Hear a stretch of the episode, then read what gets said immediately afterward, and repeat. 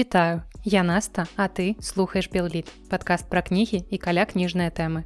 Гэта 75 выпуск подкаста і праверым ці змагу я запісаць яго цалкам за адзін раз таму што яшчэ літаральна сёння раніцай я увогуле лезь размаўляла у асноўным хрыпела або шаптала бо былі пэўныя праблемы з болем у горле. Але пад вечар усё стало нашмат лепей я адчуваю што здольная запісаць гэты выпуск таму вітаю вас у новым выпуску подкаста белліт у якім мы працягваем размаўляць пра мае кніжныя радасці мінулага года якіх як аказалася было было ўсё ж такі не так і мала нягледзячы на агульную малую колькасць прачытанага летась. І я вам працягваю расказваць пра найлепшыя мастацкія кнігі якія чытала ў мінулым годзе. І сённяшні выпуск магу назваць трошки асаблівым Таму што менавіта ў гэтым выпуску я раскажу пра самую самую найлепшую кнігу якую я прачытала ў мінулым годзе Хаця магу сказаць, што звычайна мне ўвогуле складана са спісу найлепшых, напрыклад, за год абраць одну кнігу. Але вось гэты раман, які я прачытала мінулым летам, ён проста ніякіх шансаў канкурэнтам не пакінуў. І я адчувала, што як бы я не старалася, але ўсё роўна прачытаць у гэтым годзе, дакладней у мінулым годзе кнігу яшчэ лепшую я ну сапраўды не змагу. І так і выйшла. І мне падаецца, што яшчэ падсвядома да чытання гэтай кнігі я адчувала, што яна дакладна трапіць мне ў самае сэрца і увогуле нават увойдзе ў спіс самых любімых кніг. Я не буду забягаць зараз наперад, спойлерыць да ўсяго мы дойдзем. І таксама я звярну зараз вашу ўвагу, што цяпер амаль усе цытаты, калі я цытую канкрэтныя творы, будуць выключна на беларускай мове бо я чула такую крытыку ў свой адрес маўляў у цябе не цалкам беларускамоўны падкаст фу ты цытуеш расійскія кнігі. У мяне ёсць адказ як бы для гэтых каментатараў бо што мне зрабіць калі руская мова гэта адна з маіх родных моў як і для многіх з вас. І я чытаю на рускай мове кнігі я размаўляю на рускай мове часам і чытаю я тыя кнігі якіх по-беларуску няма на жаль. Ці якія я на нейкіх іншых мовах сэнсе на мове арыгіналу не магу прачытаць по той ці іншай прычыне. Напрыклад я не валодаю іспанскай я не магу чытаць іспанамоўных аўтараў у арыгінале. Але цяпер я ўсё ж таки вырашыла что нават калі я кнігу прачытала по-руску але ёсць арыгінал на даступнай мне мове то тады я буду браць патрэбныя цытаты з арыгіналу і для выпускаў буду іх перакладаць сама з арыгіналу на беларускую мову. Так будзе нашмат лепей і тады мой мой падкаст пазбавіцца рускай мовы якая многіх слухачоў так раздражняе. Нічога не маю супраць. Ну і таксама у дадатак да раней сказанага для мяне яшчэ гэты выпуск вельмі адметны тым што тры кнігі з пяці у гэтым выпуску я прачытала ў арыгінале па-англійску. Я вам ужо ў мінулым выпуску рассказывала наколькі для мяне гэта важна таму не ўздыхайце цяжка калі я чарговы раз буду хваліцца што вось маўляў гэтую кнігу я прачытала ў арыгінале. І я такім чынам не выпендрываюся я просто радуюся я хвалю хвалю сябе і матывую сябе і вось для мяне гэта так добра працуе. Дарэчы вы таксама можете так паспрабаваць у чымсьці і праверана што гэта сапраўды працуе. Або таксама вы можете хваліць сваіх блізкіх за нейкія важныя для іх дробязі. То бок за тое што магчыма вам падаецца нейкай дробязю але для гэтага чалавека гэта нешта насамрэч вельмі значнае. Вось вы над сваім снабізмам калі ласка уздыміцеся і скажыце нейкае добрае слово свайму блізкаму чалавеку нават калі вось гэта ягонае да дасягнення яно для вас ну не такі ўжо і значны прарыў. Ці ўвогуле вось зараз рабіце так вы просто пастаўце мой выпуск на паузу вы адкрыце ваш мессенджер або спіс контакта ў тэлефоне і напішыце ці скажыце свайму блізкаму чалавеку штосьці нечаканае і прыемнае. Вось просто так абсалютна без аніякай прычыны без кантэксту не адказваючы там на нейкія папярэднія паведамленні. Просто у напішыце ці скажыце нейкую прыемную рэч. І вось дзеля такога я згодная каб вы адарваліся ад гэтага новага подкаста пакуль мы яшчэ не перайшлі да канкрэтных кніг да сутнасці подкаста я вам нават загадваю ад подкаста адарвацца. Я вас пачакаю таму просто ідзіце і напішыце. Ну што напісалі? І калі напісалі то я сапраўды вас хвалю і увогуле раю вам рабіць перыядычна вось такія нечаканыя хвілінкі і прыемнасці для сваіх блізкіх. І вы ўбачыце што гэта здавалася б дробязь яна можа вельмі пазітыўна паўплываць на ваше жыццё. Такая хвілінка псіхалогіі аднасты але яна скончаная. І мы пераходзім до 75 выпуска у якім вас чакаюць тры выдатныя кнігі і дзве ну скажем так мякка не вельмі выдатныя пачнём мы зразумела з выдатных кніжак каб нейкі пэўны запал пазітыву набраць які потым можна будзе лёгка патушыць маімі бадхёртамі пра дрэнныя кнігі якія традыцыйны будуць у канцы. Бо там на жаль будзе і адна беларуская кніга. Нават сорамна пра гэта казаць. А дарэчы ці ўсё яшчэ модна ўжываць слова бадхёрт бо мне здаецца што я даўно яго не сустракала і адчуваю як неяк паступова старэю уже не зусім разумею якія словы ўжываюць якія не ўжываюць. Але у мяне ёсць адмазка мне сёлета споўніцца 30 размаўляю як хачу законам не забаронена адно з нямногіх што ўсё яшчэ ў нас не забаронена законам. Але перайдзем да кніжак. І першая кніга ў сённяшнім выпуску трапіла да мяне абсалютна выпадкова. Мне здаецца што я вам ужо не раз у падкастах згадвала такую штуку як лайфлібаўскі флешмоб лайфліп гэта сайт для чытальнікаў кніг кшталту сацыяльнай сеткі дзе вы можете адзначаць прачытаныя кнігі дзяліцца цытатамі рэцэнзіямі І вось там штогод пасля калядаў пачынаецца такая гульня, якая называецца навагодні флешмоб. Ты пішаш спіс пажаданняў, спіс абмежаванняў, выбіраеш колькасць кніг, якія хацеў бы прачытаць і людзі табе раяць паводле тваіх пажаданняў і абмежаванняў канкрэтныя кнігі. І ты не можаш адмовіцца, кніга якую табе параілі не трапляе ні пад адно з тваіх абмежаванняў і вось дзякуючы гэтаму флешмобу за 5 гадоў я прачытала неверагодную колькасць цудоўных кніг на якія сама магчыма увогуле ніколі не звярнула увагу І вось наступная кніга яна акурат адна з такіх міма якіх бы я просто прайшла. Гэта роман нейтана хіла які называется the Nicks і я чытала яго ў арыгінале. Або таксама ёсць рускі пераклад які называется нёк назва такая даволі цікавая незвычайная загадкавая прыцягальная але чаму б я не свярнула на гэтую кнігу ўвагу вы можете зразумець калі загугліце як увогуле гэтае рускае выданне выглядае. Вось хіба гэтая дзіўная вокладка увогуле кагосьці можа прывабіць? Мяне дакладна не. Я не думаю что э, хтосьці усур'ёз узяў гэтую кнігу бо падумаў о боже мой якая афігенская вокладка хутчэй гэтая вокладка можа зацікавіць вас каб вы спыніліся паразглядалі э, падумалі а, а што за фігня можа увогуле хавацца под такой дзікай вокладкай Мне падаецца, што нейкія раманы дзіка Фрэнсіса пра іпадром і пра розных коней, жакеяў і гэтак далей. І да таго ж уражвае аб'ём гэтай кнігі. Гэта не самая тонкая кніга і трэба шмат падумаць перад тым, як уцягнуцца ў такі аб'ёмны раман, які ў прынцыпе зойме шмат вашага часу, ці варта ўвогуле губляць столькі часу на такую вялікую кнігу.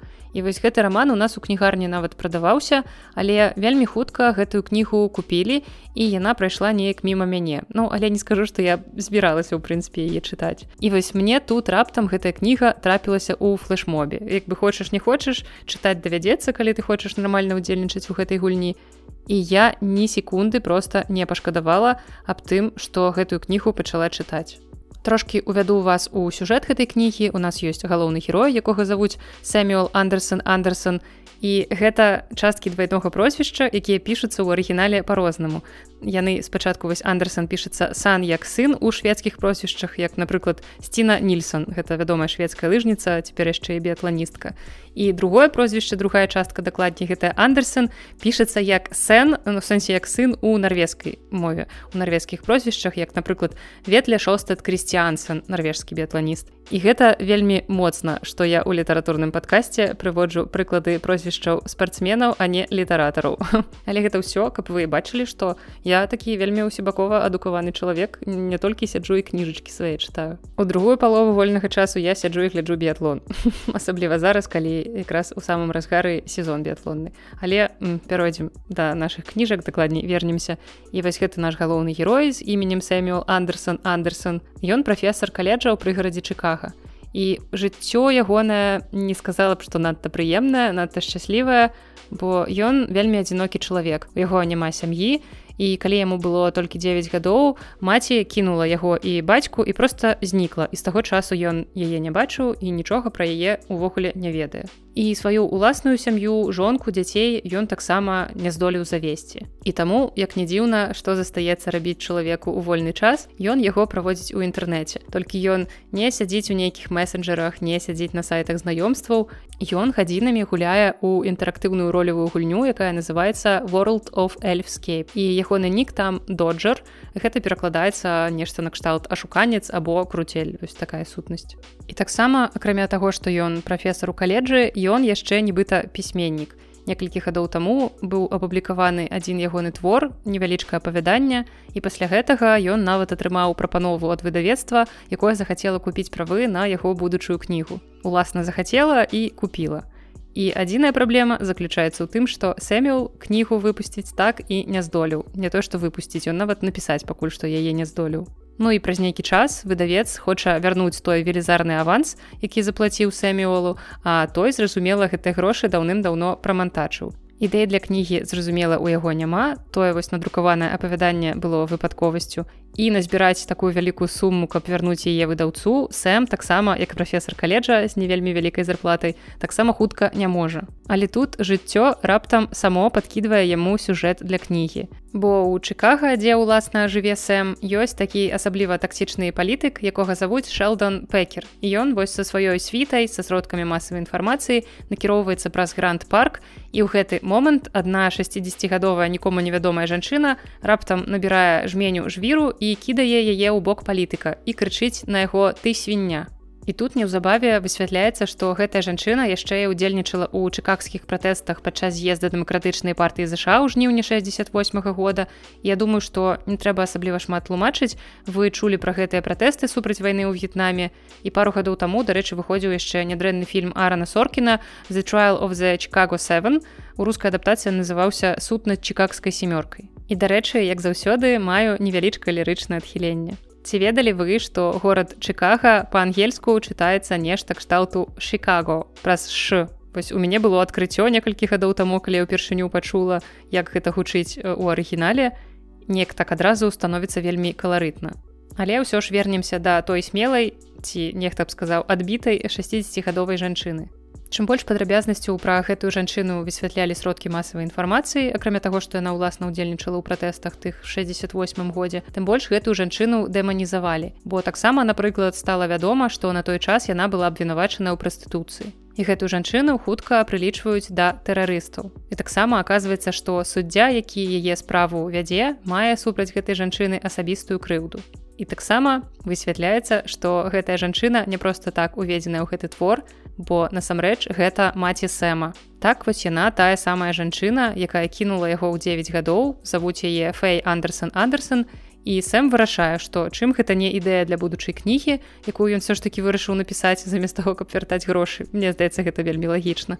Ён вырашае расказаць пра сваю маці якая цяпер у топе навінаў. Але улічваючы што ён пра яе нічога не ведае бо апошні раз бачыў яе ў 9 гадоў ён вырашае з ёй пазнаёміцца бліжэй і пабольш даведацца пра яе жыццё і так прыхавана ад яе напісаць гэтую кнігу. Гэты раман пабудаваны нелінейна, гэта такая гісторыя адчужэння маці і сына, якая разглядаецца з розных бакоў пры дапамозе рэтраспектывы мы бачым малога сэма ў 1988 годзе потым мы бачым прафесара геймера няўдалага пісьменніка ўжо ў 2011 годзе уласна ў якім і пачынаюцца падзеі гэтага рамана потым мы часам трапляем у 2004 год і хіл нам паказвае розныя гістарычныя падзеі ў ЗША напрыклад тры асноўныя падзеі якія там згадваюцца гэта раней згаданыя чыкагскія пратэсты 1968 года. Таксама гэта пратэсты напярэдадні адкрыцця рэспубліканскага з'езда ў 2004 годзе тады па вуліцах манхэттана прайшлі десяткі тысяч дэманстрантаў якія выказвалі пратэст супраць палітыкі адміністрацыі буша і вайны ў іраку і таксама 2011 год згадваецца гэта акцыі акупай уолл-стрит якія прайшлі з мэтай прыцягнення грамадзянскай увагі да злачынстваў фінансавай эліты і як заклік да структурных змен у эканоміцы Я думаю што вось гэтыя падзеі найбольш свежыя ў вашай памяці таму што адбываліся не так ужо і даўно ўсяго 12 гадоў таму Аўтар відавочна прарабіў велізарную працу, каб апісаць гэтыя падзеі ў Чыкага, бо гэты расповед пра час вельмі ўражвае і гэта значна менш адносіцца да апошніх дэманстрацый хаця ён дадае некалькі вельмі цікавых дэталяў пра іх. Але менавіта чыкагскія пратэсты іх апісання маюць у творы найбольшае значэнне. Таксама ў творы ёсць некалькі важных тэм якія прыцягнулі маю увагу па-першае зразумела гэта стасункі маці і сына. Сямейныя адносіны вельмі хваравітыя адносіны гэта тое што мне цікава тое што мне на жаль блізка. По-другое гэта гісторыя людзей якія асуджаныя прайсці праз жыццё з першага погляду поўная надзеі нейкіх мар летуценняў але за ўсімі гэтымі марамі непазбежна наступае поўнае расчараванне.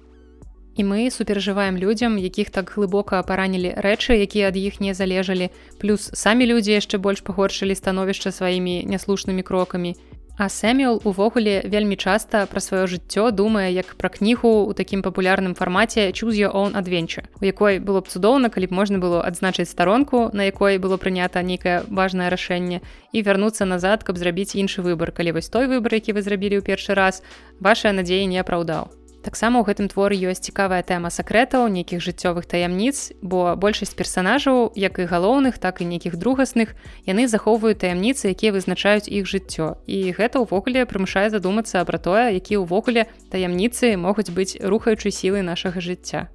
І часам жыццё некаторых людзей увогуле цалкам пабудаванае на гэтых таямніцах.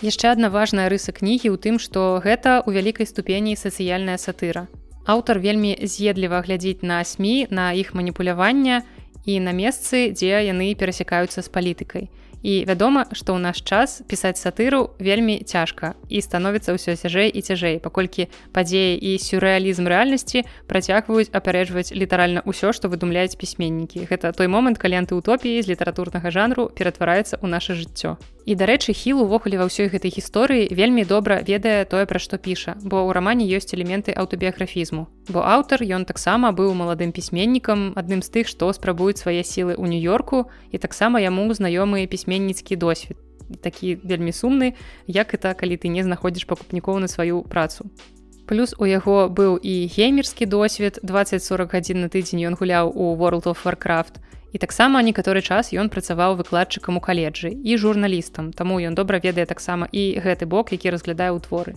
І ўвогуле я магу сказаць, што нёк гэта вельмі дзіўная кніга. Прычым дзіўная ў сэнсе amazing, а не ў сэнсе стрэндж. Яна ахоплівае вялізную колькасць тэм, але пры гэтым не губляе чалавечы складнік, бо ўсё ж такі гэта гісторыя пра людзей, хоць і на фоне такіх значных гістарычных падзей у ЗША. Прычым гэтая падзея настолькі значная, што ў прынцыпе даволі вядомая і нам. І гэтая кніга захапляе і інтрыгуе добрым перапляценнем тэмаў, якія я ўжо агучыла раней. Таксама ў ёй яркія персанажы, ёсць нават пэўны сацыяльны аналіз грамадства і элементы змрочнага гумару, вось тое, што я вельмі люблю ў літаратуры. І нарэшце я агучу адказ на пытанне, якое вы, магчыма, задалі мне ці сабе яшчэ калі пачулі назву гэтага твора, чаму раман мае ўвогуле такую назву, хто такі гэты нікс або нёк? Нёк гэта такі скандынаўскі дамавік гном нейкі казачны народ які жыве з людзьмі які заахвочвае іх карае і ён выяўляе сабой такую пэўную праяву сумлення. Гэта ваши схаваныя страхі ваши схаваныя фобіі гэта герой легенды якую нарвежскі бацька фэй вось адкуль дарэчы такое прозвішча андерсон андерсон таму што іх ёсць нарвежскія карані Дык вось бацька бег з перадваеннай Нарвегіі і прывёз сабой гэтую легенду. І гэтага нёка вельмі лёгка пакрыўдзіць. Яго варта толькі абразіць ці неяк раззлаваць і ён будзе вас мучыць, куды б вы не пайшлі да канца вашых дзён. І сапраўды гэта як варыянт такой праявы з грызоту сумлення. І калі Фэй перадае сэму легенду пра нёка, то ён ператвараецца ў прыгожага белага каня самую жаданую рэч, якая дасягнуўшы мэты, прывядзе вас да згубы. І вось чаму на вокладцы той самы белы конь. Падсумоўваючы магу сказаць, што гэты раман вельмі разумны. Гэта такая заблытаная галаваломка, якая рухаецца то наперад, то назад у часе, каб урэшце рэшт мы злучылі усе гэтыя падзеі, апісаныя паміж сабой і знайшлі сэнс. Гэта сатыра на палітыку на сродкі масавай інфармацыі з вельмі своечасовымі актуальнымі назіраннямі. Таксама ў рамане мноства тэм, мноства сюжэтных паваротаў і дзякуючы кароткім главам гісторыя развіваецца даволі імкліва, нягледзячы на такі вялікі аб'ём, вы не паспяваеце засумаваць падчас чытання гэтай кнігі. Чытач проста цалкам у гэтую кнігу пагружаецца, таму што тут вельмі шмат значных ідэй, шмат тэмаў, тут ёсць сямейныя канфлікты, сакрэты, і гэты раман засяроджаны на тым як мы бачым саміх сябе ён закранае такія тэмы як адносіны давер вернасць сяброў вернасць бацькоў дзяцей палюбоўнікаў каго заўгодна і гэта вельмі цынічная у нейкай ступені таксама поўная інтрыг і поўная гумару Гэта цудоўная гісторыя, у якой вельмі добра адлюстраваная ЗША і гэты іх цяперашні стан. І калі апісаць кораценька, то гэта сямейная сага, у якую дададзена трохі палітычнай гісторыі. Калі новы пачатак сапраўды новы, ён будзе адчувацца як крызіс. Любая рэальная змена павінна прымусіць вас адчуць спачатку страх. Калі вы не баіцеся гэтага, значыць, гэта не сапраўдныя змены. Пра наступны раман у сённяшнім выпуску вы ўжо ад мяне чулі, калі мы падводзілі вынікі года разам з настай і сярожам. Вось тады ў намінацыі персанаж года я рассказывала пра Элеонор Оліфант з кнігі Гейл Ханіман, Элеонор Оліфант і камплітлі файн. Я чытала кнігу таксама ў арыгінале, але ёсць рускі пераклад, які называецца Элеонор Оліфант в полным парядке. І гэта гісторыя пра Элеонор Оліфант гераіню крыху дзіўную. Ёй 30 гадоў, яна вельмі разумная, яна добра размаўляе, у яе бездакорная граматыка і таксама ёй не хапае здольнасці фільтраваць тое, пра што яна кажа. Таму ўсім людзям яна кажа менавіта тое, што думае. Абсалютна ніякага пачуцця такту ў гэтай гераіне няма. І гэта можа прыводзіць да вельмі няёмкіх сітуацый самага дзяцінства Элеонор не адзін раз трапляла ў прыёмныя сем'і, да яе ніколі ніхто не дакранаўся з любоўю і яна нават не ведае, як гэта. Але для яе гэта нармальна, яе фізічныя патрэбы ўсе задаволеныя, але вось нейкіх эмацыянальных патрэб у яе нібыта ніколі і не было. У Элеонор ёсць свой пэўны распарадак, з якім ёй цалкам комфортна. Яна ўжо 9 гадоў працуе на адной той жа працы. Яна пачынае працаваць з 8:30. На абед яна купляе сабе газету, потым яна разгадвае ў ёй крыжаванку і заканчвае свой дзень сыходзячы з працы у 17:30. Дома вечарам яна гатуе простую вячэру, звычайна гэта макароны і салата і яна глядзіць тэлевізор пасля гэтага трохі чытае а 10 яна кладзецца спаць. І толькі ў сераду гэты прывычны распарадак дня трошкі мяняецца калі яна размаўляе са сваёй мамуляй на працягу 10 хвілін. Але трохі по-іншаму выглядаюць яе выхадныя бо пасля працы ў пятніцу яна купляе піцу віно і две вялікія бутылькі гарэлкі сабе на выхадныя яна выпівае на выхадных гарэлку і гэты час яна праводзіць у стане калі яна не п'яная не цвярозая яна такая ну нейкі дзіўны памежны стан і яна просто чакае калі прыйдзе панядзелак. Да яе ў госці ніхто не прыходзіць ніколі сама яна ні да кога не ходзіць у госці і часам яна ўвогуле задаецца такім пытаннем ці не з'яўляецца яна сама просто плёнам свайго уласнага ўяўлення Але зразумела, што ўсё не можа ісці так роўна і аднойчы здараецца тое, што Элеонора выбівае з каляіны, бо яна знаходзіць яго, таго самага мужчыну, якога чакала ўсё сваё жыццё таго мужчыну з якой ёй наканавана быць разам. І цяпер ёй проста трэба зрабіць так каб гэты мужчына на яе звярнуў увагу. І спрабуючы гэта зрабіць элеонор становіцца больш смелай больш упэўненай у сабе жанчыны і таксама яна вучыцца абапірацца на сваіх новых сяброў якіх у прынцыпе заводзіць мабыць упершыню ў жыцці і открывваецца гэтым людзям На працягу ўсёй кнігі Элеонор паступова перажывае метамарфозы, якія вельмі часта прымушалі мяне усміхацца, смяяцца, трошкі нават плакаць, ну неяк у душы, бо я рэдка плачу над кнігамі. І гэтая гераіня яна вельмі траўміраваная. Яна по-свойму мудрагелістая, але разам з тым яна вельмі асаблівая. І менавіта гэтым мне запомнілася гэтая гераіня. Адметнасць гэтага рамана ў тым, што аўтарка ўзяла вельмі сур'ёзную у пэўнай ступені траўміруючую праблему і ўпляла гэтую праблему ў цёплую, смешную і ну так, часам вельмі сумную гісторыю. Але тут мне хочацца звярнуць вашу ўвагу на тое, што гісторыя ні ў якім выпадку не маніпулятыўная. На першы погляд роман гэты вельмі смешны. Ён расказвае нам пра жанчыну з вельмі нізкімі сацыяльнымі здольнасцямі. І усе гэта яе спробы стаць нармальнай, неяк інтэгравацца ў грамадства, калі яна там робіць манікюр, эпіляцыю ці штосьці такое, яны ў нас выклікаюць толькі смех. Але разам з тым акурат гэта і вельмі сумна. Напрыклад, нам сумна, калі мы бачым, як калегі Элеонор, калі пра яе гавораць, яны смяюцца з яе, але Элеонор не заўважае гэтай пагарды таксама сумна ад таго што элеонор просто такая самотная ў жыцці. І сумна што яна закахалася ў ідэю чалавека таго самага мужчыны якога ўвогуле яна не ведае. Але таксама мне важна заўважыць што гэта не рамантычная кніга не любоўны роман і я вельмі рада што аўтарка зрабіла менавіта так. Ёсць як бы намёкі на тое што цэнтральныя адносіны элеонор і яе калегі з цягам часу перарастуць магчыма ў нейкія рамантычныя але гэта адбудзецца ўжо па-за межамі кнігі. Бо канкрэтна гэтая кніга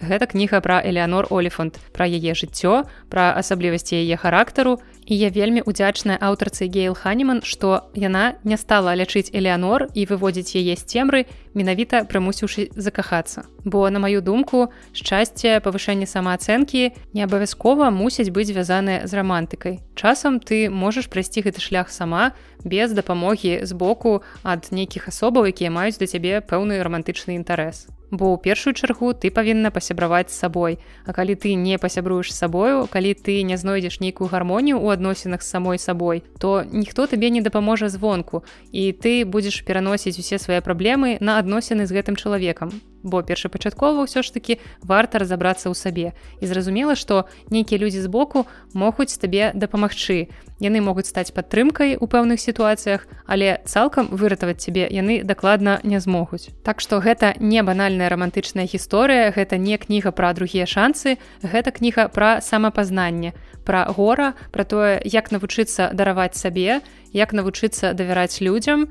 Гэта кніга пра сяброўства кніга якая просто разбіла мне сэрца але потым ўсё ж таки яго склеіла вылечыла сваім вось гэтым завяршэннем цудоўным шматабяцальным і вельмі сардэчным. Кніга мне вельмі спадабалася бо гэта вельмі прыемна знайсці кнігу якая напоўнена эмоцыямі але пры гэтым яна непразмерна сентыментальная бо кожны з нас у пэўны момант жыцця Мачыма хтосьці з вас і цяпер адчувае сябе самотным. І вось гісторыя элеанор можа паслужыць напамінам пра тое што мы падобныя нават трошки больш чым нам падаецца. Але пэўная доля дабрыні пэўная доля сяброўства нейкіх блізкіх цёплых адносін сапраўды могуць стаць вельмі класнымі дапаможнікамі ў выратаванні жыцця У нашы дні адзінота гэта новы рак, ганебная, ганебная рэч, накліканая на сябе нейкім незразумелым чынам.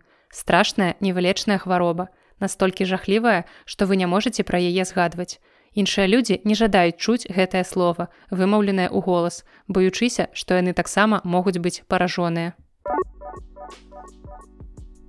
І нарэшце апошняя з добрых кніг трэцяя кніга якую я буду толькі хваліць бо гэта галоўны томік майго 2022 года. Вельмі своечасова прачытаны томік і я радуюся што гэтая кніга на маіх паліцах праляжала столькі гадоў і трапіла мне ў руки менавіта ў патрэбны час. І зараз я вам раскажу пра найлепшы раман які прачытала летась. Гэта кніга інфіні джест дэвіда фостера уолеса на жаль на чытанне такой таміны у арыгінале пакуль маіх сіл не хапае таму гэтую кнігу я чытала ў рускім перакладзе Алексея Палярынова і Сергея Карпова под назвай бесканечная шутка. Але, вядома ж, у мяне ёсць вельмі амбітныя планы калі-небудзь гэту кнігу перачытаць у арыгінале. І з гэтай хвіліны пачынаецца найлепшая частка майго падкаста, як мне здаецца, скажа мой сябар Алесь, які вялікі фанат гэтага рамана. Ён чытаў яго, здаецца, тры ці нават чатыры разы, плюс ён чытаў зборнікі апавяданняў у алеса і нават летась мне падарыў адзін з іх на дзень народзінаў і потым ён заваліў мяне паведамленнямі з фота польскіх вокладак гэтай кнігі інфіні джест і вокладкі дарэчы сапраўды ўражваюць і я перадаю прывітанне алесю далей мне будзе сапраўды страшна сказаць якое лішняе слово пра твор. Хаця што ты мне зробіш я ў іншым горадзе ха-ха-ха Але сапраўды магчыма алесь спрацаваў як тая вада якая падтачыла камень і ўсё ж такі не тое каб прымусіў я і сама была не вельмі супраць але ён вельмі доўга і ўпарта хваліў мне гэты твор і нарэшце я яго прачытала і далучылася да гэтай вось вялікай групы фанатаў бясконцага жарту. І перад тым як пачаць размову уласна пра сам раман я вельмі хачу сказаць колькі слоў пра аўтара паколькі іх важна сказаць бо гэта той выпадак калі аўтар і твор непарыўна звязаныя. Я лічу, што гэты твор немагчыма чытаць без цеснай сувязі з асобай аўтара і ну дакладней няма ў прынцыпе ў свеце нічога немагчымага, але ўсё ж такі лепш ведаць захадзя ўсе падрабязнасці яго жыцця, каб быць падрыхтаваным да гэтага твора. Ну калі не ўсе падрабязнасці, то хаця б асноўныя рысы яго жыцця, асноўныя нейкія эпізоды. Хаця мне ўсё роўна падаецца, што гэта акурат тая кніга для разумення і асэнсавання якой аднаго чытання будзе мала. Яе дакладна трэба перачытваць, але я разумею, што безумоўна салоду ад гэтай кнігі вы можете атрымаць першага разу. Але я думаю, што пры кожным новым чытанні інфіні джест будзе адкрываць вам усё больш і больш сваіх таямніц і акурат алесь гэта пацвярджае. І гэта заўсёды прыемна, калі ты бачыш кнігу з новых бакоў, перачытваючы, заўважаеш усё новае і новыя дробязі. Ну а цяпер звернемся да жыцця дэвіда фостера Уолеса. Я не буду падрабязна расказваць вам ягоны жыццёвы шлях, нарадзіўся, ажаніўся, хрысціўся і гэтак далей. Я просто раскажу вам такі караценькія важныя асноўныя моманты з яго біяграфіі. Бо рэч у тым, што ён жыў з вельмі цяжкай дэпрэсіяй. Яна то адыходзіла, то вярталася, Але тут бяда не прыходзіць адна і дэпрэсія акурат стала прычынай таго, што Уолі страпіў алкагольную залежнасць. І ён вельмі доўга і вельмі пакутліва і цяжка ад яе пазбаўляўся. І мы разумеем, што алкаголь якраз даволі моцны дэпрэсант. Так што гэта не рабіла яму лягчэй ён мог нармальна працаваць толькі на антыдэпрэсантах. У 2007 годзе ён перастаў іх прымаць таму што ад антыдэпрэсантаў ён меў вялікую колькасць пабочных эфектаў. І прыкладна праз год 21 верасня 2008 года Давід фостер Уоллес павесіўся ва ўласным доме пакінуўшы перадсмяротную запіску на дзве старонкі. Яму было 46 гадоў Але як мне падаецца яшчэ раней Уолес пакінуў нам іншую перадсмяротную запіску, якая была нашмат большай паводле аб'ёму, чым дзве старонкі і гэта акурат раман, пра які мы сёння пагаворым інфінит джест. Многія людзі, якія кнігу не чыталі, думаюць, што гэта нейкі чарговы постмадэрнісцкі раман, у якім нічога не зразумела і няма нейкага звязнага сюжэту. Але гэта няпраўда. Я вам скажу, што сюжэт тут ёсць і ён даволі цікавы. І такі нават трошачкі шпіёнскі. У нас ёсць пацыенты рэабілітацыйнай клінікі, таксама ёсць студэнты тэніснай акадэміі ёсць урадавыя агенты і сябры тэрарыстычнай арганізацыі і што вось аб'ядноўвае ўсіх гэтых даволі розных людзей іх аб'ядноўвае тое што яны шукаюць копію фільма геніяльнага рэжысёра дылетанта джеймса інкандэнсы і гэта вельмі небяспечны фільм Таму што любы хто паглядзець гэты фільм ён памрэ ад асалоды Падзеі рамана разгортваюцца ў недалёкай будучыні і гэта альтэрнатыўны пачатак 21 стагоддзя, у якім ЗША, Канада і Мексіка сталі адной дзяржавай. Сам раман выйшаў у 1996 годзе, таму тое, што зараз для нас сучаснасць для аўтара акурат было недалёкай будучыняй. Хоць Олес пазначаў, што ўсе супадзенні з рэальна існуючымі людзьмі ў гэтай кнізе выпадковыя, але раман усё ж такі вельмі аўтабіяграфічны бо пісьменнік сам у юнацтве прафесіянальна гуляў у тэніс падаваў прыкметныя надзеі таксама як і адзін з герояў кнігі хэл інкандэнса і ягоныя сябры па тэніснай школе таксама ад алкагольнай залежнасцю у олесу дапамагалі пазбавіцца сеансы групавой тэрапіі ў ананімных алкаголіках. Такую ж тэрапію толькі ў ананімных наркаманах праходзяць героі кнігі. Але хоць бясконцы жарт часта уключаюць у спісы самых дэпрэсіўных раманаў усіх часоў я з гэтым катэгарычна не згодная таму што кнігу вельмі складана назваць нейкай прыгнятальнай ці нейкай дэпрэсіўнай і сумнай нягледзячы на тое што праблемы дэпрэсіі ў творы ўздымаюцца месцамі гэтая кніга проста гамерычна смешная месцамі яна стылістычна вынаходлівая я б сказала нават што амаль цалкам яна стылістычна вынаходлівая таксама часам яна інтрыгуе а часам наадварот бянтэжыць Ну а праблемы з чытаннем гэтай кнігі зусім не ў тым настроі які яна стварае Людзі ўвогуле адзначаюць, што яе не проста чытаць зусім не таму, што тут закранаюцца нейкія важныя тэмы. Хаця для кагосьці гэтыя тэмы сапраўды могуць быць надта блізкія, балючыя, як гэта аказалася са мной. І тут я хачу трошкі раскрыць гэтую тэму, бо, на жаль, мы ўсё яшчэ жывём у свеце сталага адмаўлення псіхічных хвароб. У нашым грамадстве словы дэпрэсія, самагубства яны сустракаюцца з такімі трывожнымі пахіхікваннямі, людзі адразу уцякаюць і не хочуць пра гэта размаўляць бо са мной гэта не здарыцца мяне гэта не датычыць і гэтак далей але на шчасце я магу адзначыць што з цягам часу з кожным годам сітуацыя выпраўляецца да лепшага. І зразумела што з людзьмі старэйшага пакалення размаўляць на гэтыя тэмы ўсё ж такі дагэтуль цяжка. Яны прайшлі праз іншы досвед яны выхоўваліся ў іншым свеце і гэта не значыць што іх абмінаюць псіхічныя хваробы што яны іх не датычаць. Просто такія людзі маюць да іх іншае стаўленне люблю гэты жарт калі расказваюць пра бабуляў дзядуляў ці там пра маці і бацькоў якія кажуць нам што вось у нашыя часы ніякіх псіхатэрапеўтаў не было і хваробаў і нічога нармальна усе былі здаровыя. І адказ на гэта ад прадстаўнікоў сучаснага пакалення А хто вам сказаў што вы здаровыя? Вось гэта найлепшы проста жарт на гэтую тэму як кажуць няма здаровых ёсць недаабследаваныя. І гэтую кнігу я пачала чытаць прыкладна ў адзін час з прыёмам антыдэпрэсантаў і гэтая кніга для мяне стала дадатковым лячэннем бо я прыхільнік такога пункту гледжання што некаторыя кнігі прыходзяць да цябе ў патрэбны час а некаторыя наадварот могуць быць вельмі нясвоечасовымі. І калі б я гэтую кнігу прачытала адразу пасля таго як яна выйшла ў перакладзе на рускую мову калі ўласна я і купіла яе то тады магчыма цалкам я не ацаніла б яе вартасці. Дакладней я б ацаніла наколькі гэта вартая кніга для сусветнай літаратуры але так блізка як прачытаўшы яе летам я б яе дакладна не прыняла. Хутчэй за ўсё гэтая кніга у топ-года ўсё ж таки увайшла але магчыма яна не была б на першым месцы як цяпер. Гэта роман трагедыйны але як і усе найвялікшыя трагедыі ён не проста вас напаўняе цемрай дзеля таго каб напоўніць вас цемрай ці ён праводзіць вас праз некую цемру Але разам з тым ён прабівае ў гэтай цемры нейкія дзіркі гумару, пэўныя нават дзіркі радасці. каб праз гэтую непразрыстую заслону цемры вы ўсё ж такі крыху пабачылі сонца і гэта ўсё дае нам магчымасць трохі перадыхнуць не захлынуцца ў гэтым змрочным свеце якія створаны траўміраванай фантазіяй дэвіда фостера уоллеса сапраўды ў гэтай кнізе ёсць мноства вельмі смешных рэчаў. Праўда у асноўным гэта цёмныя адценні гумару. Але пры гэтым такі гумар не выглядае навязлівым нібыта мы нацягваем клоунскі нос на нейкага вязня які асуджаны да найвышэйшай меры пакарання. Гумар у дэвіда фостера уоллеса больш вытанчаны ён больш дарэчны бо ў творы ён прытрымліваецца такога ідэальнага балансу шчыра сумнага шчыра смешнага і абсурднага. Гэта ўсё вельмі гарманічна ў творы сплятаецца і перасякаецца напрыклад под абсурдам таких рэчаў як бізнес-карпорацыі якія штогод купляюць імёны года. Напрыклад год называется не 2023 а год впитывающего белья для взрослых дипент і гэта ну такая бліскучая ідэя аўтарам не падаецца. І вось за гэтым абсурдам хаваецца масіўная аснова суровага рэалізму і гуманізму і ўсё гэта толькі злёгку па-майстэрску падпраўлена такім чынам што прымушае нас задумацца наколькі той ці іншы выпадак абсурду сапраўды моцна адрозніваецца ад абсурду з якім вы сутыкаецеся вось у вашай прасторы рэальнага свету Але пра гэта я ўжо казала раней, калі рассказывала пра роман нёк, што часам абсурд у кнігах падаецца нам не такім ужо і абсурдам, калі мы пачынаем яго параўноўваць з уласным жыццём. Трэба адзначыць, што гэты раман цалкам напісаны ад трэцяй асобы. І гэта важна, бо гэта падкрэслівае тое, што Дэвід Фостер Уолес не паспрабаваў піхнуць свой голас у вусны персанажу, як калі б ён пісаў гэты твор ад першай асобы.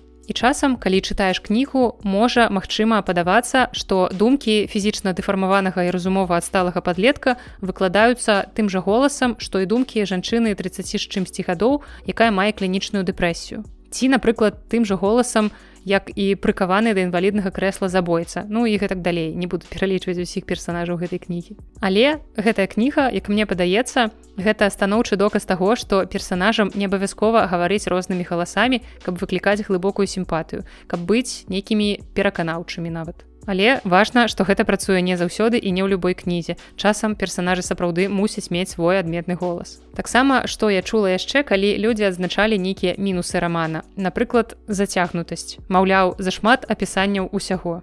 Але для мяне гэта наадварот было велізарным плюсам кнігі. Я ўцягнулася ў гэтую зацягнутасць з першых жа старонак. І гэта мне не падалося чымсьці дрэнным.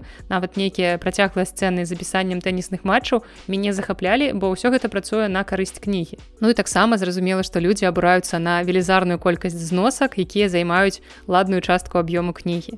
Маўляў, што вельмі шмат усяго трэба ведаць, каб спасцікнуць усю глыбіню рамана. І калі вы ўжо спужаліся то я вас супакою что у адрозненне ад нейкага ну допустим у ліса джойса вам не трэба мець глыбокія веды у ірландскай гісторыі каб зразумець што чорт возьме адбываецца ў некаторых момантах кнігі усё і нават больш чым усё прадстаўлена чытачу ў рамане бесконцы жарт але прадстаўлена не ў тым сэнсе што аўтар нам усё разжаваў усе сэнсы падаў нам на сподачку з блакітнай аблямовачкай.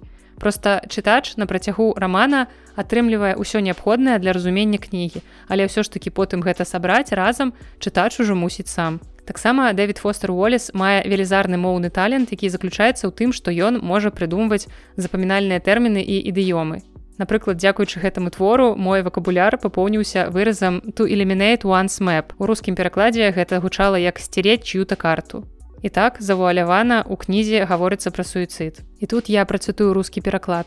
Среди мифов о смерти бытует следующий. Перед тем, как стереть свою карту раз и навсегда, люди становятся оживленными, щедрыми и внимательными к другим. Правда же в том, что часы перед суицидом – обычный период крайнего самолюбования и погружения в себя – Дарэчы, зноў жа магу звярнуцца да палітычнага ладу ЗША у гэтай краіне вось у гэтым свеце будучыні Уолес вельмі апісвае добра сучасную Амерыку, ну якая-нібыта аб'ядналася з Мексікай і Канадай. Але гэта вельмі нагадвае тыя часы ў ЗША, калі прэзідэнтам быў Дональд Трамп. Прычым гэта настолькі відавочна, што нават я, беларускі чытач, які далёкі ад амерыканскай палітыкі, ўсё роўна праводзіла падчас чытання пэўныя паралелі. Хаця Дэвід Фостер Уолес ніяк не мог застаць Дональда Трампа, паколькі скончыў жыццё самагубствам раней, чым той стаў прэзідэнтам.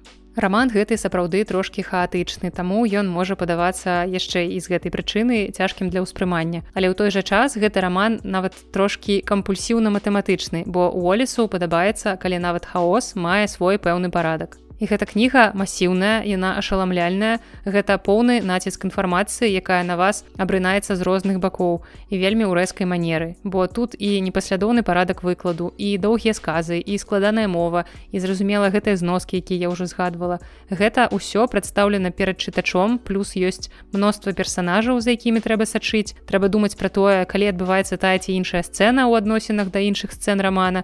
І гэта становіцца таксама складаным таму што выкрыць выкарыстанне тых самых карпаратыўных імёнаў для абазначэння гадоў які я ўжо агучвала не паляпшаюць справу з разуменнем таго дзе мы ўвогуле зараз знаходзімся у якім пласце часу у якім месцы з якімі персонажамі і гэта ўсё выглядае як пэўная інфармацыйная перагрузка. І потым інфармацыя якую чытач атрымлівае таксама дапаўняецца яшчэ і дэталямі якія выбірае дэвід фостер Уоллес. І пры ўсёй сваёй экспансіўнасці гэты роман неверагодна клаўстрафобны у сваёй унутранай сутнасці. І ў гэтым рамане мноства тэмаў гэта і амерыканская культура культура і тэма бацькоў і дзяцей і прырода жаданняў гэта мастацтва залежнасць наркотыкі свядомасць кіно. І просто зашмат тэмаў каб згадваць іх усе але больш за ўсё мне падаецца гэта кніга пра залежнасць пра тое як жаданні і залежнасць пераплятаюцца і пра тое як людзі заходняга свету ставяцца да гэтых рэчаў І мне было вельмі страшна пачынаць гаворку пра гэтую кнігу, паколькі калі ты расказваеш пра такія маштабныя і вельмі няпростыя творы, заўсёды ёсць небяспека, што ты абмінеш нейкі важны складнік гэтай кнігі. Мне падаецца, што я расказала недастаткова, што я сфокусавалася не на тым, на чым трэба.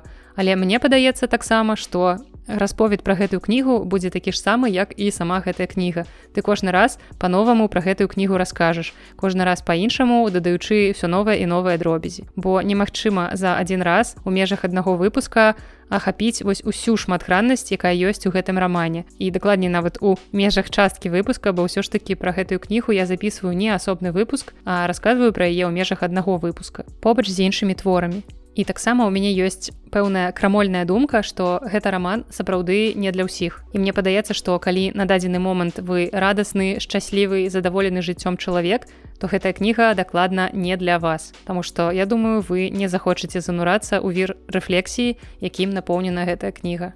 Так званы псіхатычна-дэпрэсіўны чалавек, які спрабуе скончыць жыццё самагубствам, робіць гэта не праз безнадзейнасці ці абстрактнае перакананне, што жыццёвыя актывы і дэбіты не сыходзяцца і ўжо сапраўды не таму, што смерць здаецца нечакана прывабнай. Чалавек, у якім яго нябачная агонія дасягнула вызначанага невыноснага ўзроўню, пакончыць сабой сапраўды гэтак жа як чалавек, які апынуўся ў пасцы. У выніку выскачыць з акна падпаленага хмарачоса.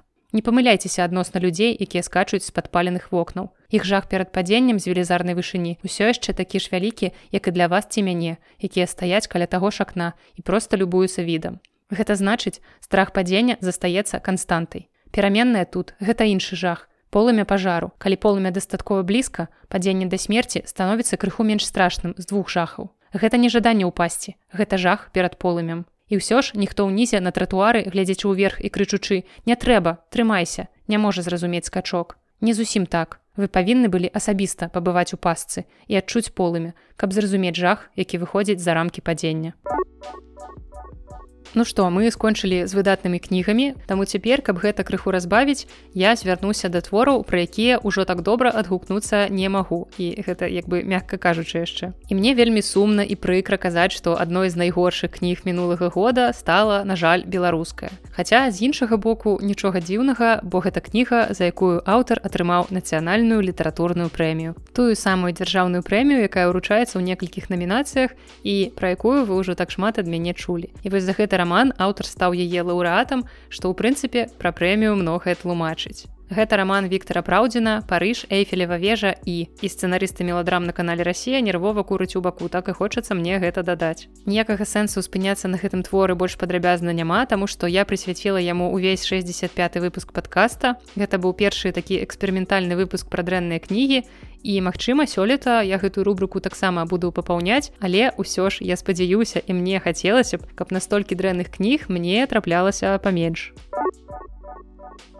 і апошні твор у сённяшнім выпуску трапляе ў рубрыку навошта я патраціла на гэта свой час. Хаця тут жа я сябе спрабую супакоіць тым што гэтую кнігу я чытала ў арыгінале так што ў любым выпадку хоць трошкі гэты час я правяла з карысцю. Але ўвогуле магу сказаць што вельмі цяжка быць тым чалавекам які амаль заўсёды дачытвае кнігі. Некае сумленне не дазваляе мне кінуць кнігу калі я ўжо яе пачала І з іншага боку, калі б я кнігі не дачытвала, то ў мяне не было б кантэнту ў раздзел падкаста, дзе я бамблю на кнігі. А вы вельмі любіце гэты падкаст, таму магу лічыць, што яшчэ і дачытваю кнігі менавіта для вас каб потым было чым з вами падзяліцца і на што з вами пабамбіць. Ну а сёння я буду расказваць пра сусветны бестселлер ад вельмі моднага і папулярнага зараз пісьменніка Джона Марса і раман называется the Minders або ў рускім перакладзе код насіцелі. Чаму я ўвогуле выбрала гэтую кнігу? Бо я чытала некалькі папярэдніх раманаў Марса, напрыклад, першы твор, якім ён выстраліў, гэты твор называется the one единственны і мне здаецца, што гэтую кнігу нават экранізуюць зараз або ўжо экранізавалі нешта такое я чула чула. Таксама я чытала яго наступныя творы гэта пасажыры, добрая самарыцянка і сутнасць у тым, што зараз гэта даволі папулярныя трылеры. Але бяда ў тым, што гэта даволі аднаразовыя трылеры. Гэты творы напісаныя даволі захапляльна, але вельмі простай мовай. І ад гэтых сюжэтаў не адарвацца, але гэта невысокая якасная літаратура. Гэта акурат такія творы, з якімі можна добра правесці некаторы час, як, напрыклад, за праглядам нейкага простага серыяльчыка. Гэта літаратура хуткага прыгатавання, такі кніжны фастфуд з вельмі інтрыгуючай завязкай, але выкананы з дапамогай сумных жанравых клішэ без апускання ў праўдзівы патэнцыял антыутопіі. Я гэтыя кнігі такія аднаразовыя чытала, потым закрывала кнігу і тут жа забывала, пра што яна ўвогуле была. Але калі ў Джона Марса выйшаў новы роман The Minders, я тут ужо проста не змагла закрыць і забыць, бо кніга вельмі дрэнная з процьмай момантаў для таго, каб проста разбіць далонькай лоб. Тэхнічна гэты раман гэта якраз працяг рамана Зеуан единственны і плюс адзін з папярэдніх раманаў пасажыры таксама ўваходзіць у гэты свет будучыні, які прыдумаў аўтар. Такім чынам вы можете атрымаць спойлеры адразу на дзве папярэднія кнігі марса, калі будете чытаць гэтую. Але таксама з майго падкаста вы зможете атрымаць спойлеры на гэтую кнігу, таму думайце, ці плануеце вы яе чытаць перад тым як слухаць далей, але я б вам не раіла яе чытаць. Паводле сюжэту у нас ёсць група людзей, якой даручана захаваць усе ўрадавыя сакрэты і таямніцы перад тэрарыстамі хакерамі. І ў гэтым свеце багатым хакерамі, дзе ж урад можа схаваць свае самыя скандальныя і патэнцыяльна небяспечныя сакрэты. Вядома ж, у чалавечым мозгу, дзе яны гэтыя сакрэты захоўваюцца ў выглядзе ДНК. Бо што мы не можам узламаць, мы не можам узламаць людзей. І хоць узламаць людзей мы не можам, але мы можам ім што-небудзь зламаць, напрыклад, руку або нагу або іголкі пад пазногці ці там яшчэ якія папулярныя спосабы катаванняў праз на жывот. І тады чалавек можа раскалоцца. Але калі інфармацыя закадзіравана ў тваю ДНК і ты насамрэч не валодаеш гэтай інфармацыяй, то ты не можаш яе раскрыць. Ну а сутнасць таго, што чалавека нельга ўзламаць, заключаецца акурат у тым, што ніяк дыстанцыйна ў нашыя мазгі залезці немагчыма, пакуль што яшчэ такія спосабы не прыдуманыя. Так што гэтая сакрэтная інфармацыя ў тваім мозгу проста ёсць, але ты яе не ведаеш, А калі ты чагосьці не ведаеш, то ты ў прынцыпе і не можаш гэта раскрыць, бо гэтая інфармацыя табе недаступная, на проста прысутнічае на закадзіравана ў тваю ДНК. Таму ў пяць звычайных грамадзян з пэўнымі здольнасцямі, якія па розных прычынах шукаюць магчымасці вырвацца са свайго жыцця, адбіраюцца для ўдзелу ў гэтым праекце, каб даць адпор групе хакераў і захаваць Вкабрытанію ў бяспецы. Ранейшыя жыцці і асобы гэтых людзей сціраюцца, доступ да тэхналогій практычна закрыты і яны знікаюць у адноснай невядомасці. Ці прынамсі гэта было першапачатковым планам гэтых людзей якраз называюць змайндерс і ім трэба сачыць за сваім асяроддзям тому што хакеры могуць быць бліжэй чым яны думаюць і яны гатовыя зрабіць так каб гэтыя майндерсы назаўжды сышлі ў мінулае Ну і зразумела, што адбудзецца ў выпадку ўзлому, бо будуць не толькі раскрытыя сакрэты краіны, але яшчэ і тысячы, калі не мільёны жыццяў загінуць у выніку тэрарыстычных атак і анархіі, якая наступіць. І праблема гэтага рамана, асноўная праблема, як мне падаецца, у тым, што ягоны сюжэт трымаецца на факце, што няма ніякай іншай альтэрнатывы, акрамя імплантацыі інфармацыі наўпрост людзям у мозг.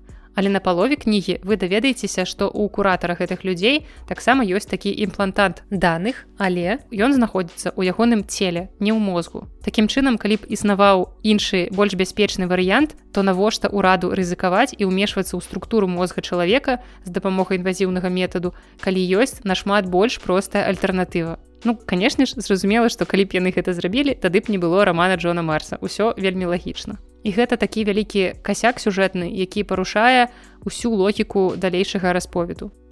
І большая частка рамана гэта даследаванне таго, як імплантацыя даных мяняе людзей. Напрыклад, герой па імені Чарлі згубіў усе пачуцці, нейкія фізічныя, эмацыянальныя, і ён сябе штурхае ўсё далей і далей, спрабуючы вярнуць тое, што, як яму здаецца, ён страціў.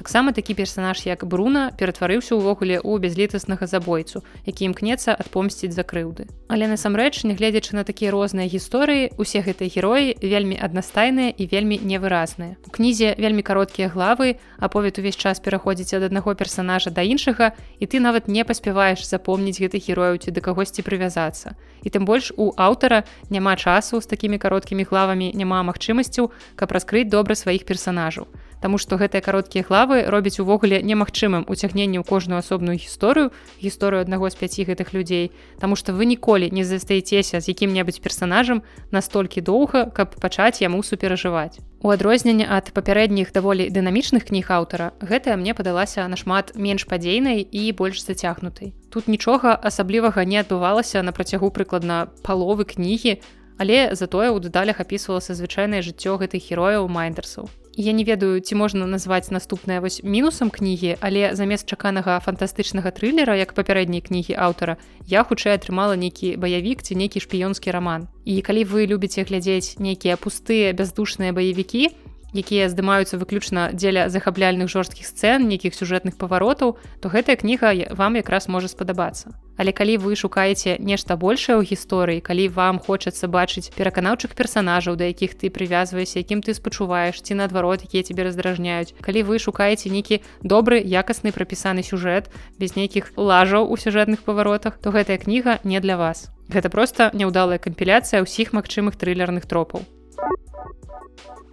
Вось падышоў да завяршэння 75 выпуск подкаста а наступны выпуск я ў асноўным прысвячу украінскай літаратуры. Гэта я вас загадзя папярэджваю трошки спойлеру бо так атрымалася што 2022 год стаў для мяне годам пераадкрыцця сучаснай украінскай літаратуры. Я вам раскажу пра тры творы якія мяне летась вельмі ўразілі і як вы бачыце ўразілі настолькі што ўсе тры кнігі трапілі ў топ за год. Ну і таксама я працягну дзяліцца не самымі удалымі кнігамі мінулага года і на жаль там зноў будзе адзін сучасны беларускі раман таксама ў канцы гэтага выпуска я вельмі хочу падзякаваць усім хто пісаў каментарыі наконт мінулага выпуска. За ўсе ваши добрыя словы бясконцая вам падзяка. Як заўсёды вы ведаеце што я вельмі ўдзячны чалавек і мне заўсёды падаецца што маёй падзякі недастаткова. Таму яшчэ раз дзякую вам за гэта. Калі у вас ёсць нейкія пытанні за увагі прапановы просто нейкія добрыя ці дрэнныя словы я таксама люблю чуць і крытыку бо без крытыкі немагчыма развіццё то я вас запрашаю у апісанні да гэтага выпуска дзе вы знойдзеце ўсе цікавыя карысныя спасылкі напрыклад вы там знойдзеце маю электронную пошту на якую мне можна напісаць каб са мной звязацца і таксама там ёсць спасылка на google формы у якіх мне можна задаць нейкае пытанне ці напісаць нейкія ідэі для наступных выпускаў пра што вы ўвогуле хочаце пачуць. Можете згадваць нейкія канкрэтныя творы беларускай літаратуры ці замежнай якія вы хочаце каб я прачытала ці штосьці пра іх расказала я з задавальненнем буду чытаць паводле ваших парадаў. Можа быть у мяне будзе нейкая рубрика дзе я выбіраю кнігі якія раеце вы мне. Напрыклад беларускія кнігі гэта будзе больш лагічна не б зрабіла штосьці такое з беларускай літаратурай дзе я чытаю кнігі паводле ваших парадаў і потым дзялюся з вами водгукамі на некалькі кніг у адным выпуску Таму калі вам гэта цікава то пакідайце каментарыі або там дзе я сказала ў google формах ці на пошце. Таксама можете пісаць каментарыі калі тая пляцоўка праз якую вы слухаеце гэты выпуск дазваляе гэта рабіць. Напрыклад кастбокс або soundcloud дазваляюць пакідаць каментарый Ну а на сёння гэта ўсё. З вами была наста і падкаст белліт да сустрэчы